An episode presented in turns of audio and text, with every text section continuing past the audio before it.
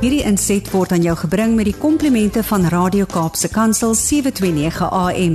Besoek ons gerus by www.cape pulpit.co.za.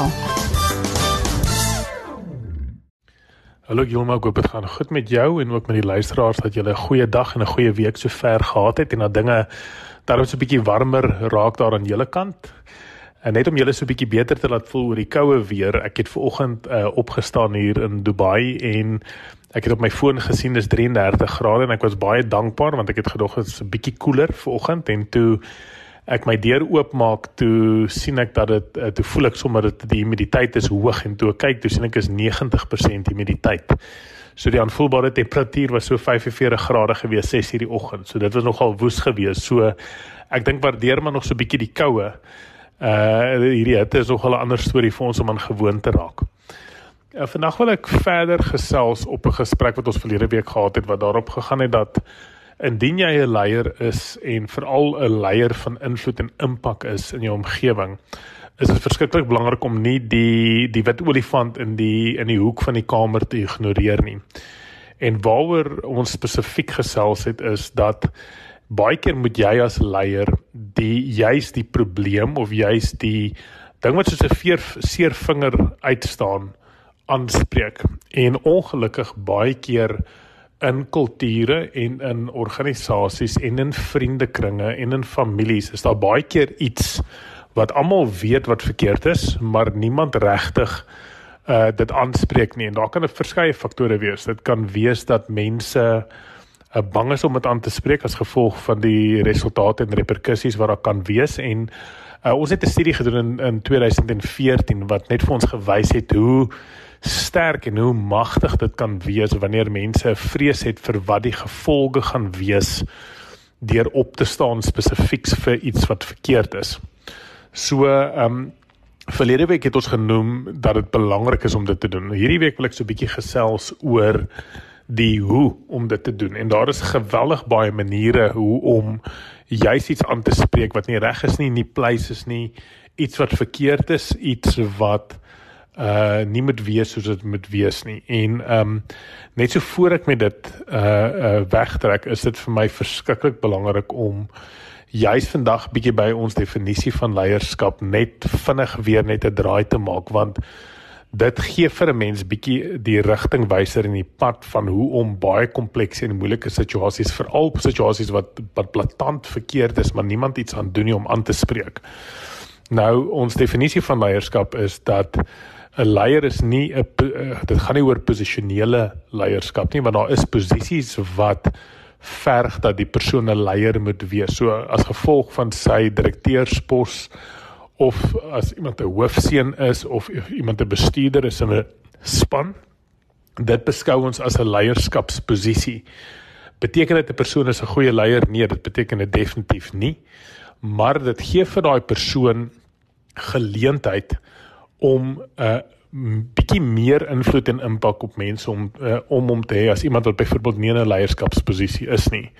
So vir ons is die vers, die die verskil dat ons definieer leierskap as iemand wat uh besef dat hy invloed en impak het op mense om hom. Maak nie saak waar hy is of hy in 'n leierskapsposisie is of nie. So ons beskouing is dat enige persoon invloed en impak het op mense om hom. Uh jy kan ook meer of minder invloed hê op mense om jou. So as jy dalk 'n uh, uh, persoon is wat ge, wat getroud is en is net jy en jou vrou of jy in 'n leierskapsposisie iewers anders is of nie jy het invloed en impak op jou vrou en op jou mense met wie jy in kontak kom deurlopend deur die dag so ook iemand wat dalk in die, in die skool is wat nie 'n hoofseun is nie maar iemand wat vriende het of dalk een vriend het, jy het die vermoë en die geleentheid om invloed en impak te hê op daai mense. So 'n leier is iemand wat besef hy het invloed en impak. Dan is die volgende stap vir ons baie belangrik is dat daardie leier moet 'n kognitiewe besluit maak om te sê hy wil positiewe invloed en impak hê daar waar hy beweeg en waar hy is want ongelukkig is kan is haar kan leierskap ook baie negatief wees. En ons het baie voorbeelde van leiers wat geweldig baie negatiewe invloed en impak het. So vir ons is dit belangrik dat 'n leier die besluit moet maak om te sê ek gaan positiewe invloed hê daar waar ek is, waar ek my vingerafdrukke gaan neersit en waar my woorde gaan val en waar my dade gaan verandering bring, gaan dit positief wees. En dan laastens 'n invloedryke leier is 'n leier wat dan begin soek vir meer geleenthede van invloed en impak. En dit is vir ons die die optimale plek waar so 'n persoon kan beland. En wanneer so 'n persoon dan ook in 'n leierskapsposisie beland, beweeg dinge baie vinnig en is 'n baie goeie invloed en impak. En hoekom hierdie vir my belangrik was net om weer te herhaal en wat dan aansluit by ons ons ons gesprek vandag oor om wit olifante aan te spreek en probleme en en dinge wat so seers vingers uitstaan aan te spreek gaan dit baie daaroor dat jy moet onthou dit gaan oor invloed en impak. En wanneer dit gaan oor invloed en impak, is dit belangrik wat wat gaan gebeur terwyl en nadat jy die situasie aangespreek het. So met ander woorde, as daar 'n 'n 'n baie sien maar daar's 'n 'n bully in 'n organisasie, iemand wat mense regtig waar sleg hanteer en mense regtig waar verneder en so voort. Is daar 'n paar maniere om dit te doen? Die eerste manier kan wees om daarvoor almal net los te trek en die persoon te sê hoorie wat jy doen is onaanvaarbaar en jy moet jou werk verloor en uh om om dit op so 'n manier aan te spreek of daar kan 'n klomp ander maniere wees om dit aan te spreek. Daar kan ook stap 1 kan ook wees om te sê maar kom ek kry die persoon een kant toe en ek sê vir die persoon hoorie so. Ek wil graag met jou weer praat. Ek weet nie of jy bewus is dat jy dit doen of nie bewus is dat jy dit doen nie. Uh maar hierdie is nogal 'n 'n 'n ding wat ek meer en meer optel. Uh dit kan ook in sy kantoor wees. Jy moet dalk 'n keuse maak en dit by bietjie meer gaan uh, minder geïntimideerde situasie doen dalk in 'n koffiewinkel. Uh of of op uh, uh op op ehm um, enige ander plek waar dalk jy voel die omgewing jou kan ondersteun om potensieel positiewe invloed en impak op die persoon te hê. Verder kan 'n mens dink en dit het nogal 'n klomp keer gebeur en ek weet baie mense kan ook voel maar dis baie moeilik om um, om dalk 'n boelie in die werkplek aan te spreek. Uh die persoon gaan dalk dit net in jou doen. So 'n ander opsie is om 'n e-pos te skryf aan die persoon en dit formeel op papier neer te kry. Uh dit kan ook wees om dit nie formeel te stuur nie, dalk 'n brief vir die persoon te stuur en so voort. So daar's 'n klomp maniere om in die situasie 'n persoon aan te spreek. So ons sê altyd kyk na die manier hoe jy dit gaan kommunikeer. Moet jy dit sê? Moet jy dit skryf? Moet jy dit formeel skryf? Moet jy dit informeel skryf? Moet jy dit formeel sê? Moet jy dit informeel sê? Die tweede uh, belangrike ding is ook om jou plek te kies waar jy dit doen. So dalk is dit verskriklik belangrik om dit in 'n formele set sê, uh, opset te doen of dalk nie in 'n formele opset te doen nie ehm um, dalk in die kantoor, dalk buite die kantoor, dalk in die skool, buite die skool.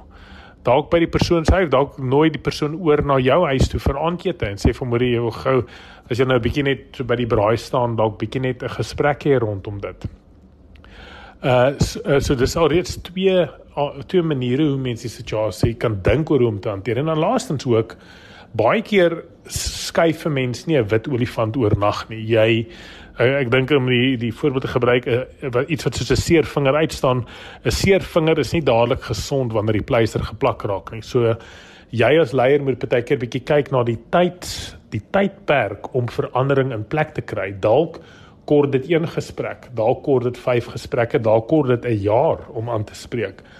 Wat is daai situasie en wat is die optimale situasie uh, manier om dit te gebruik? Nou as ons kyk na die mees invloedryke leier van alle tye Jesus hoe hy alle tegnieke gebruik het. So Jesus was by die kerk.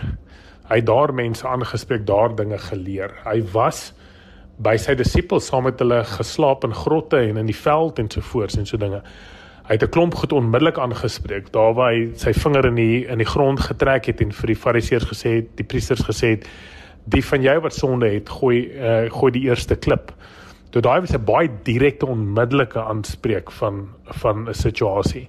Disippels het hy verander oor 3 4 oor 3 3 en 'n half jaar wat hierdie disippels saam met hom beweeg het. So jy as leier, wanneer jou fokus is op invloed en impak, gaan dit nie altyd net oor om die kortste, vinnigste pad te neem om die regte ding te sê nie, want daar's 'n groot verskil tussen om die regte ding te sê en 'n ding aan te spreek en om 'n werklik waar positiewe invloed en impak te hê. Ongelukkig kan 'n mens die regte ding sê en baie negatiewe invloed en impak hê op 'n klomp mense se lewens. So ek weet dis 'n redelike mens met jouself leer ken, die situasies is ook anders. Ek kan bietjie verder ook oor dit gesels op 'n stadium as as indien jy wil, ek sou so 'n bietjie met Gilma gesels, maar dis vir my verskriklik belangrik dat ons as leiers moet leer om redelik sensitief te raak vir die situasie wat se beste manier om te hanteer en om regtig daaroor te bid. So ek bid baie vir julle as leiers en as vir julle al julle luisteraars dat julle regtig waar uh die onderskeiding sal kry van hoe om elke situasie reg te hanteer en regtig sensitief te wees vir wat die Heilige Gees ons leer maar wat ons ook lees in die woord van God van hoe om mense en situasies te hanteer. Ons bid baie vir julle, baie sterkte totiens. Hierdie inset was aan jou gebring met die komplimente van Radio Kaapse Kansel 729 AM. Besoek ons gerus by www.cape pulpit.co.za.